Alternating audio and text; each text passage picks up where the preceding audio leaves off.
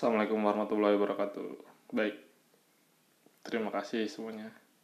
Ya setelah lama nggak ngedenger nggak nge-tag podcast lagi, ini saya mulai lagi. Saya udah malas ngomongin ekonomi karena kayaknya semua orang udah udah sibuk sama virus corona ini. Jadi aku bakal ngomongin soal yang lain aja. Kayaknya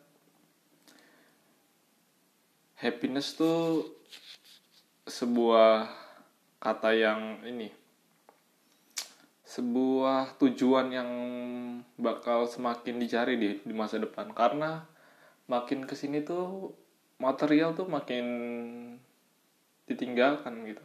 Orang tuh udah nggak terlalu nyari duit lagi makin ke sini kalau kalian perhatiin ya buku-buku yang dulu diproduksi dan bestseller itu dulu buku-buku soal ini. Soal motivasi bisnis motivasi usaha.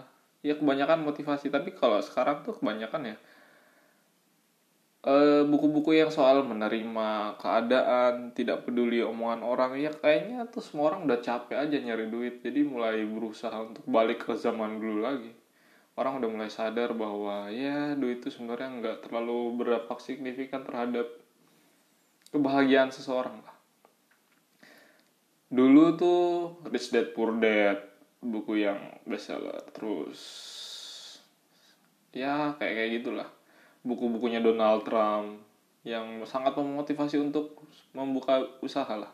Untuk berusaha bi- berbisnis berusaha untuk maju. Tapi kalau sekarang kan NKCTHI terus The Subtle Art of Not Giving a Fuck terus ada buku satu lagi kok da- yang nulis orang Korea yang baru keluar di Gramet. Aku belum baca pengen baca tapi karena ini masih pandemi ini jadi malas keluar dulu. Nah jadi emang gitu. Jadi menurutku emang ke depan tuh orang kan semakin nyari happiness daripada nyari nyari pleasure. Jadi nah ini ini sekarang nih aku pengen bahas antara perbedaan happiness dan pleasure. Bahasa Indonesia kalau happiness kebahagiaan dan pleasure tuh kesenangan ya. Orang tuh dari kecil suka tahu dua kata itu tapi kalau menurutku banyak yang nggak tahu bedanya aku juga nggak tahu bedanya soalnya. Baru tahu nih setelah browsing browsing happiness gabut banget ya browsing soal gini. Tapi menurutku penting lah happiness dan pleasure tuh bedanya apa. Happiness tuh penting ya ya seperti yang itu. Tahu eh, Amerika tuh bahkan di deklarasinya Roosevelt tuh ngomong kalau eh soal pursuit of happiness tuh ada di deklarasi paling terakhir. Aku panjang katanya. Dan bahasa Inggris juga jadi karena bahasa Inggris nggak bagus-bagus banget jadi ada pokoknya di situ soal pursuit of happiness tuh. Dan liberty adalah salah satu tujuan kemerdekaan kebangsaan kemerdekaan US Amerika Nah, sekarang kita kembali lagi ke perbedaan antara happiness dan pleasure. Hmm. Happiness itu kebahagiaan dan kesenangan tuh pleasure. Yang pertama soal internal dan eksternal. Jadi happiness ini, oh pleasure dulu lah. Pleasure tuh adalah sebuah sebuah apa ya? Sebuah perasaan perasaan yang muncul karena didapat dari eh, respon dari luar gitu. Dari hal-hal yang didapat dari luar. Misalnya dipuji orang dipuji orang tuh kan senang senang. Terus naik gaji itu senang. Terus misalnya narkoba. Narkoba tuh dari luar kita minum obat terus senang terus apa ya? Dipuji orang dikasih hadiah itu senang sementara eh, kalau happiness happiness kebahagiaan itu didapat dari dalam diri kita sendiri.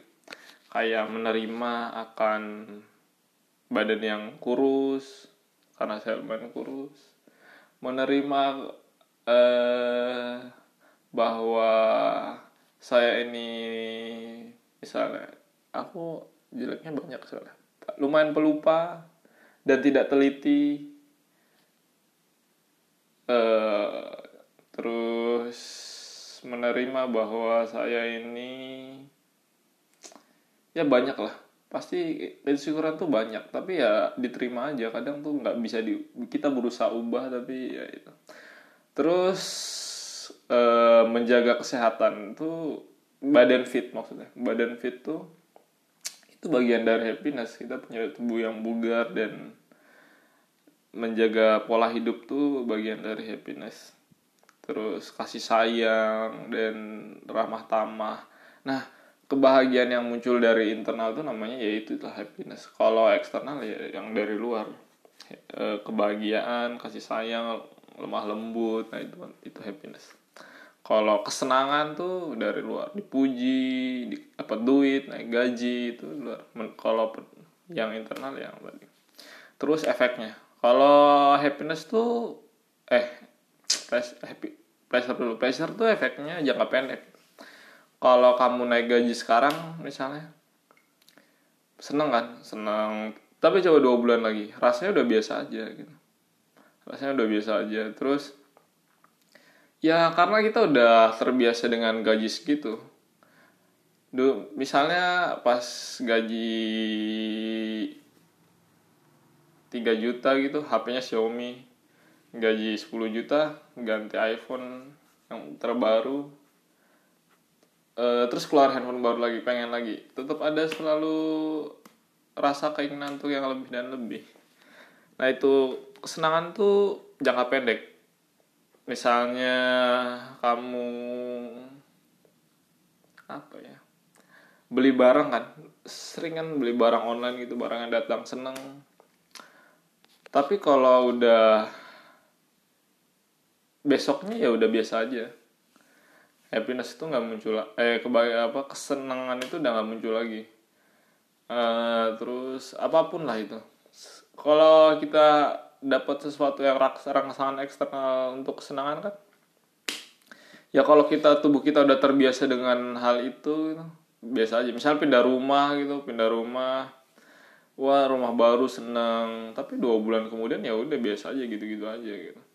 Nah sedangkan kalau kebahagiaan kan jangka panjang gitu. Happiness tuh jangka panjang. Kayak ya itu jaga pola hidup sehat. Jaga pola hidup sehat tuh kan efeknya panjang ya.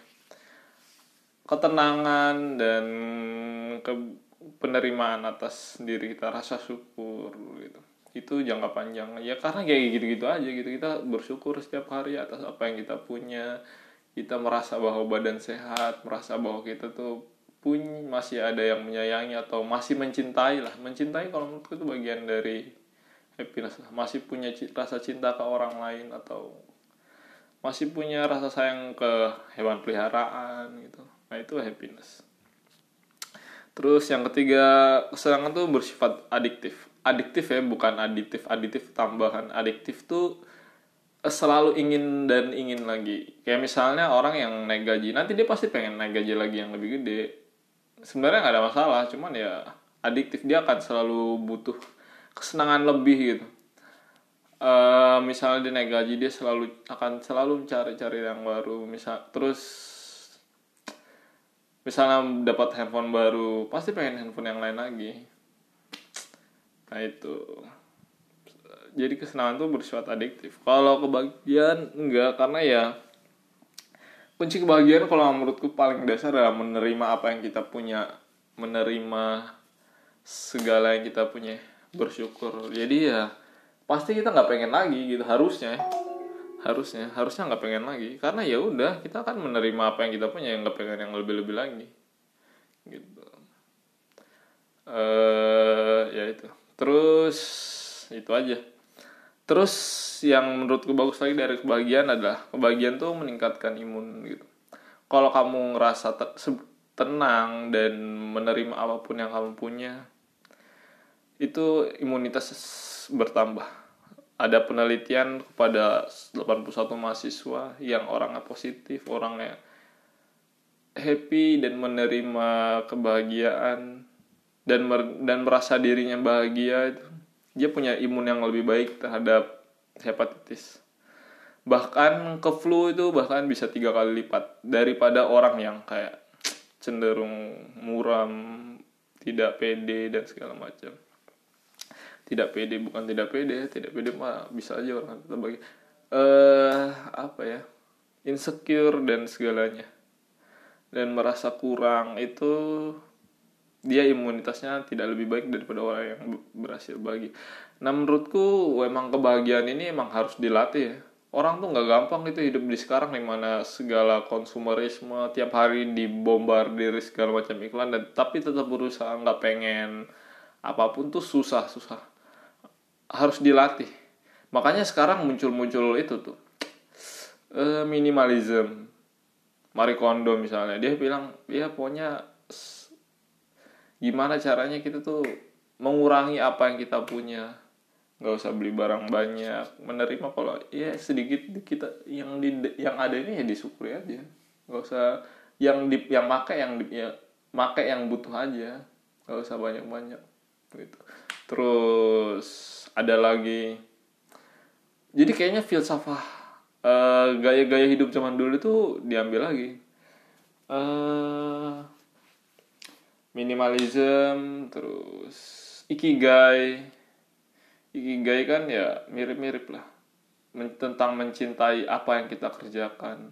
Berusaha untuk menerima. Misalnya kerjanya cuma ada video bagus tuh cari aja Nescafe Ikigai di YouTube nanti dapet lah. Itu cerita tentang sebuah daerah di Hok di Hokkaido kayaknya di Jepang itu yang orang-orangnya itu sangat mencintai pekerja ya terserah. Dia seorang nenek-nenek yang kerjaannya hanya menyambut cucunya datang. Dan di tapi menyambut cucunya datang terus ada nelayan yang senang banget nangkap ikan. Dia tapi karena dia mencintai pekerjaan dia dan menerima itu eh dan dia menerima dan dia menerima tuh ya jadi dia lebih bahagia. Dan di daerah itu usia harapan hidupnya tinggi banget.